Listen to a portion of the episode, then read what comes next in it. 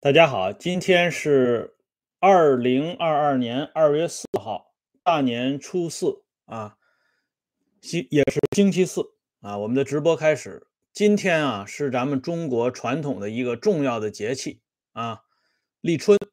这立春呢，是众多节气之首啊。咱们中国有一句老话叫“一年之计在于春”，哎，所以我们这个。新年快乐，经常也会说成新春快乐，哎，就是这意思。春节也是从这儿来的，所以今天这个节气对咱们来讲很重要啊。习惯吃一点春卷儿，吃一点春饼，来这个这个庆祝一下这个立春啊。不过呢，这个传统文化里边也有一个非常有意思的现象，比如说这个在北方啊，这个过年期间啊，它讲究不能吃饼。啊，因为这个饼呢和另外一个字有一点谐音，哎，这过年这个大家这个图个喜庆，他忌讳这个字。可是呃，经常有一些这个过年的时候呢，同这个立春这个节气啊碰到一块儿，哎，这个春饼呢就可以吃啊，别的饼不行，春饼可以，哎，所以这个呃就让人觉得啊，这个春饼呢不是饼啊。白马非马，哎，这就是咱们这个传统文化非常神奇的地方。那么昨天我们这期节目啊，讲到一个结尾处，讲到一个小悬念，就是中央军事委员会主席办公室的这两位秘书长，正秘书长是李六如，副秘书长陈伯达啊，都毁在一个呃女人手里。哎，这个女人不是别人。就是江青啊，我们知道这江青是生于公元一九一四年三月五号啊，他的这个生日呢，跟咱们这个周恩来同志的生日是同月同日啊，不知道这个时辰是不是同一个时辰？哎，反正他们俩是一天生的，哎，只不过呢，江青属虎，哎，当年呢，陈伯达。呃，与江青的前夫黄静啊，在这个陕西省见面，然后两个人分手啊，各自啊各奔前程。就在陈伯达与黄静分手之际啊，这个江青呢，于一九三七年八月初从上海途经济南啊陕西，进入到了延安。所以陈伯达到了延安之后，曾经啊有一次见过江青。哎，这陈伯达知道江青跟黄静的这个关系，陈伯达上来就问江啊，就跟江青说：“他说我跟黄静啊一起从青岛到了陕西，黄静另有工作，我们就在陕西分手了。哎，他呢一切都好。这个其实是咱们普通人啊，呃，这个见到跟自己有一点关联的人，经常啊寒暄时候用到的。”陈伯达也没有多想，他完全没有注意到江青的脸色已经非常难看了。若干年后，当陈伯达从这个第三次庐山会议上跌落下来之后，被专案审查的时候，江青突然问陈伯达说：“当年在陕西，黄静跟你说了些什么？”陈伯达这才恍然大悟。江青记着这个事儿，记了很久很久，啊，这是陈伯达啊。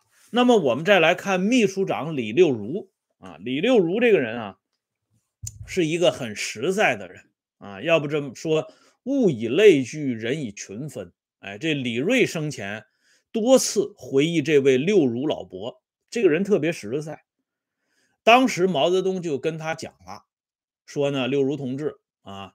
你这个身体啊，呃，也不太好，呃，眼下呢，替我管理办公室也很辛苦，但是还要麻烦你一件事情啊。江青刚刚到我身边，他有很多啊事情呢都不熟悉，如果有他啊见不到的地方，希望你多提点他一下啊。如果他有一些这个错误呢，也希望你直接向我报告。这李六如听了这个话之后呢，非常受鼓舞。关键是他当真了，哎，所以这个江青那个时候啊，这个做的很多事儿啊，周围的这些服务人员对江青非常不满意啊。比如说，我给大家举一个例子啊，这个当年伺候过江青的一位老同志，原来红四方面军的啊，呃，后来到了九十年代的时候，享受正师职待遇。这个老同志他在晚年的时候就曾经讲过，他给江青当过勤务员，就在延安时期。他说他最看不惯江青的一件事儿，就这大馒头啊，热气腾腾的出锅了，哎。摆到江青面前的时候，江青就吃那馒头皮儿，啊，那是公元一九三九年的延安呢。那个时候大家吃饱肚子都是成问题的啊，包括高层领导人吃的也都很朴素。可是这位江青吃馒头专吃馒头皮儿，所以这个苦出身的红四方面军的勤务员他就特别看不惯江青这一点。可是他毕竟是下边的人。啊，他不敢吭气儿，所以类似他这样的人就把这些情况汇总到李六如那里，由这位办公室秘书长向毛泽东汇报。那个时候毛泽东住的地方也比较简单啊，就那么一孔窑洞啊。李六如说话呢，江青就能听到，江青在外边就听到了。结果有一次，当这李六如。正向毛泽东汇报江青的缺点毛病的时候，这江青就不干了，直接就冲进来了啊！当场就指责这李六如，说你怎么还打小报告呢？你啊，你什么人品啊？哎，就在这个时候，我们的伟大领袖为什么说他是一个伟大领袖啊？他突然就怒了啊，拍案而起啊，让江青住口啊，你出去。啊，这个时候是我跟六如同志谈话，啊，你插什么嘴？再说了，同志们对你有意见，为什么不能提？难道你真的是老虎屁股摸不得吗？啊，虽然你是属虎的啊，也不是真老虎啊。这江青呢，没办法就出去了。这个内容是谁说的呢？哎，我们说的绘声绘色的，总要有出处吧？有出处。这是李六如的妻子王美兰的回忆啊，公开见载于《中共党史人物传》第六十九卷《李六如传记》当中，大家呢可以去查证啊，这是公开出版物。可是呢，这个被叫住口的江青出去之后啊，隔了不长时间，李六如就被调离。中央军事委员会办公室秘书长的位置，调任中央财政经济部指导处处长，啊，负责培训财经类的干部。啊，为什么从那么关键的秘书长的位置上给调走了？啊，呃，去当了一个指导处的处长，啊，就是相当于局长吧？哎，这个原因恐怕只有天知道。这里呢，我们顺便说一下，咱们中国的这个官场啊，啊，最暧昧的一个职务，莫过于秘书长。哎，所以今天我们这期节目呢，就来给大家讲一讲秘书长这个职务。秘书长这个职务真的是可以说啊，可大可小，大到中央秘书长。中央秘书长啊，他的后身就是咱们都知道的总秘书。总秘书啊，那小呢也可以小到一个报社，他也设一个秘书长啊。比如说市一级的这个党报啊，或者省一级的党报，他也有秘书长这个位置。甚至呢，一些这个县级市，他也有秘书长。哎，所以今天呢，我们一起来关注一下这个话题呢，其实是源于昨天我们说到总政治部秘书长这个，有的网友呢。对这件事儿提出了不同的看法，我们正好利用今天这期节目来讲一讲。但是在讲这个秘书长之前，我们已经引出了一个啊属虎的江青啊，这母老虎江青，他的这个风格大家从历史上都能看到。可是我们知道啊，这个男女搭配干活不累，你光有母老虎也不行啊，他还还得有个公。这公老虎是谁呢？是我们还健在、正在过第八个本命年的老姜同志。老姜呢，跟江青正好差一轮。哎，老姜是一九二六年出生的，也是属虎的。哎，所以呢，我就觉得，咱们今天一开始不是讲到吗？这个传统文化非常神奇，春饼不是饼啊。这也是这个其他这个国家呀，这个文化里边不具备的非常瑰丽的地方。就是说，咱们华夏文明为什么特别牛？牛就牛在这里啊！同时还牛在什么地方呢？就是当年呢，党内最担心的一件事情，就是怕这个母老虎江青摇身一变，变成那个江主席。万一这伟大领袖走了以后，江青把自己变成了江主席，那么全党全军、全国各族人民就等于接到了第二份告人民书了啊！那真的连默哀都来不及了啊！大家要在这个啊这个江青啊这个老虎的管管理之下，那真的是啊生不如什么什么什么。过年咱不说那个字啊。啊，大家都知道啊，但是呢，这个过了初一呢，还有十五啊，就是说这是一个循环场啊。你没看到这个女的江主席，可是大家非常幸运看到了男的江主席，而且也是属虎的，所以就说咱们这个呃这个历史啊啊，为什么讲它是一个循环的？这个确实是这么回事儿啊！这个首先得说，这个历史呢，这个剧场啊，人家这剧场的老板非常仁义啊，什么时候买票进场看这场戏都不耽误啊。爷爷这辈子人看的是上半场啊，爸爸这辈子人看中间这一场。孙子这辈儿的是看的下半场，啊，然后呢，祖孙三代过年的时候啊，三代人聚到一起，促膝谈心，啊，有看上部的，有看中部的，有看下部的，没问题，无缝对接，因为都是一部片子，啊，循环放，哎，这放映员也特别的敬业，哎，你不没看过这放，所以呢。呃，之前有很多人很遗憾啊，没见过这个江主席，现在呢就给大家建了个够啊。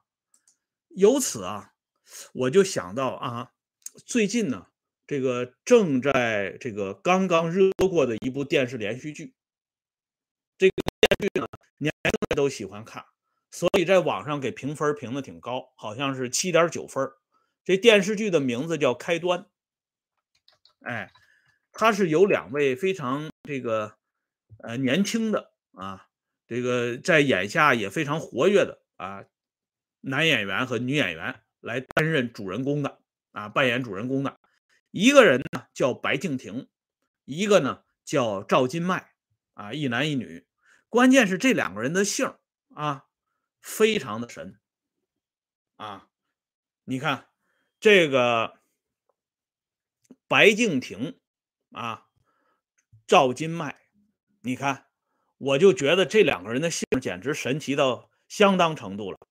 咱们今天这个世界，咱们看一下，西方姓白啊，东方姓赵，所以你看人家这两个演员不是随随便便，哎，姓赵的就坐在一辆车上了。关键是这个电视剧，它是什么类型的呢？它这个类型啊，叫时间循环，还是讲这循环？哎，太有意思了啊！在这个公交车上啊，这个白敬亭主演的这个人啊，人讲了，说我循环了五次啊。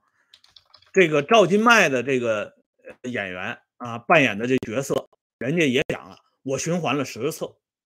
所以你看，为什么啊？大家普遍认定东升西降，哎，东边确实厉害，人家循环了十次，西边落后了，只循环了五次，所以现在西边呢也是啊奋勇直追啊，必须要把这个 double 这个差距呢给它缩短。所以现在这个东西方都在赛跑，争相的循环，哎，非常好，哎，而且这个名字起的也好。你看这个男主人公呢叫萧鹤云啊，这江青的这个名字咱们都知道叫李云鹤，这女主人公的名字呢叫李李诗情啊，李诗情毛润之。大家想一想，这这个名字非常漂亮。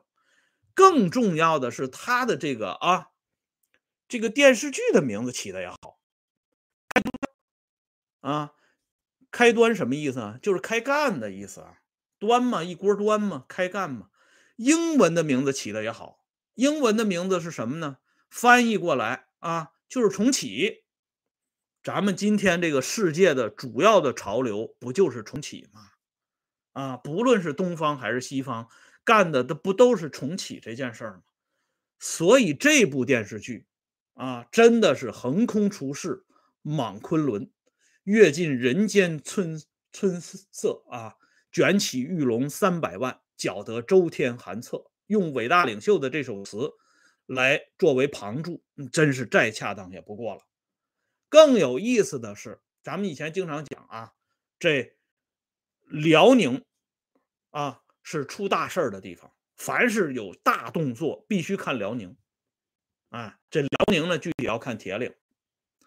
这个这里边这个当红的这女演员赵今麦，哎，恰恰就是咱们中国辽宁省沈阳市人，哎，所以你看，这个凡是有了大戏的时候，怎么能缺了辽宁这道菜呢？不能够啊，对吧？所以你看，这个全国统计今年统计，全国收看春晚这个收看最高的省份就是咱们的辽宁省。所以咱们看一下啊，以前毛泽东同志就说过：“三天不学习，赶不上刘少奇。”哎，所以用这句话来形容呢，就是说，这个这个富明老人也说过这句话：“我爱我家里的富明老人不说吗？一天不看报，等于睡觉啊。”那咱们今天看一下呢，如果三天不看国产剧。那你这损失该有多大？你根本就不知道这个形势了。所以我建议啊，大家定时定期的要收看这些国产电视连续剧，它给我们很多启迪啊，简直是没有办法详细说了。所以这个今天啊，关于这个虎年呢开端的这个话题，我们就先说到这里。下面呢，我们来说这个暧昧的这个秘书长啊。今天这个话题扯得有点远，不过呢，万变不离其宗啊。昨天这个节目啊播出以后啊，有的这个朋友就讲了，说的你讲的总政治部秘书长这个头衔不应该叫总政治部办公厅秘书长，他就是总政治部秘书长啊。而且呢，呃，咱们这位这个网友还说了啊。这个政治部啊，总政治部秘书长在总政总政治部主任和副主任不在位的时候，他主持总政的工作啊。而且呃，这位朋友还说啊，他曾经在这个总政治部秘书长手下工作了啊十几年，这是以一种现身说法的方式给我们讲述，听起来呢非常真实。可是呢。凡事我们都要问一个为什么，因为昨天我讲了，总政治部秘书长他的标准头衔叫总政治部办公厅秘书长。哎，我的这个说法不是我自己编出来的，是有根据的啊。根据我给大家看一下啊，这本书，还有这本书啊。再看一下这本书啊，党的组织史资料啊，附卷二，人民解放军组织啊，还有曾曾经担任总政治部党委第一副书记兼总政治部主任上将郭林祥的回忆录。我们先来说一下这个总政治部办公厅它是怎么来的。在第一次无产阶级大工作啊，就是把原来的秘书处、政治工作研究处、管理局与直属政治部进行合并。合并之后称总政治部办公室。这个大革命结束以后呢，拨乱反正的时候，把这个总政治部办公室改名为总政治部办公厅。按照规定，总政治部办公厅设秘书长一人，副秘书长若干人。啊，可以对外称总政治部秘书长或总政治部副秘书长。哎，这个来由就是这么来的。那么存在不存在什么总政治部主任、副主任不在位的时候，由总政治部秘书长来主持工作？不存在啊。这里呢，我们来看一下党的组织史资料，《中国人民解放军组织》这一卷告诉我们的这么一件事情。我们举例举的就是一九八二年党的第十二次全国代表大会召开之后啊。这个总政治部的布局啊，由这个余秋里接替韦国清担任总政治部主任。一九八二年十月，经中央中央军委批准，总政治部党委由九人组成。一九八五年七月，经中央和中央军委批准，总政治部党委由五人组成。这五人包括余秋里。周克玉、郭林祥啊等人，这我就不详细给大家说了。我来详细说一下郭林祥的回忆。郭林祥说：“啊，当时总政治部主任余秋里同志因为在国务院担任要职，工作繁忙，所以总政治部党委会议由郭林祥副书记主持，总政治部办公会议。”由总政治部副主任周克玉主持，但办公会议的最后决定权还由郭林祥同志做。啊，郭林祥说，实际上总政治部的日常工作是由我来主持的。不过，郭林祥强调啊，每一次会议之后，我都要通过总政治部办公厅秘书长向余秋里主任请示报告。这个回忆是在郭林祥回忆录的第五百六十六页和五百六十七页上边，大家可以去查证。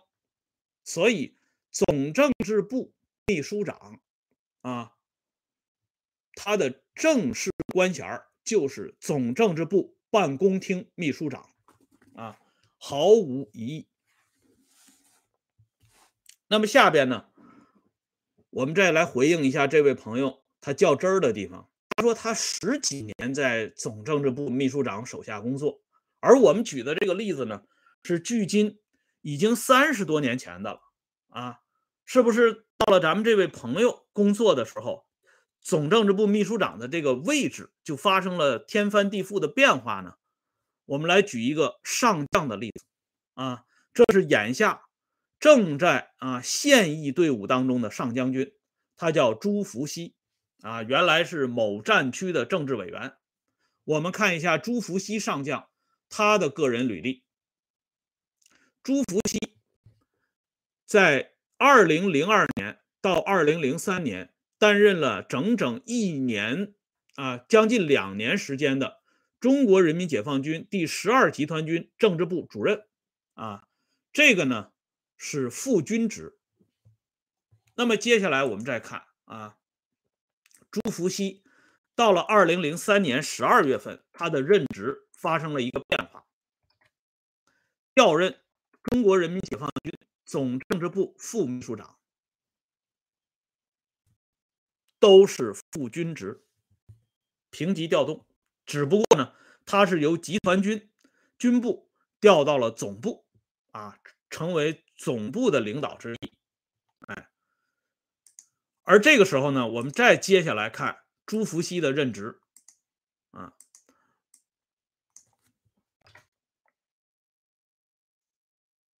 他在总政治部副秘书长这个位置上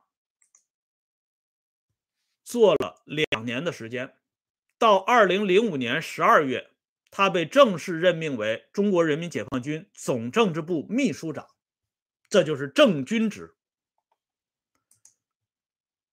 所以啊，我们说总政治部秘书长和副秘书长与总政的其他部门，什么组织部啊。宣传部啊，群众工作部啊，啊，文化部啊，这些部的部长和副部长们是同一级别。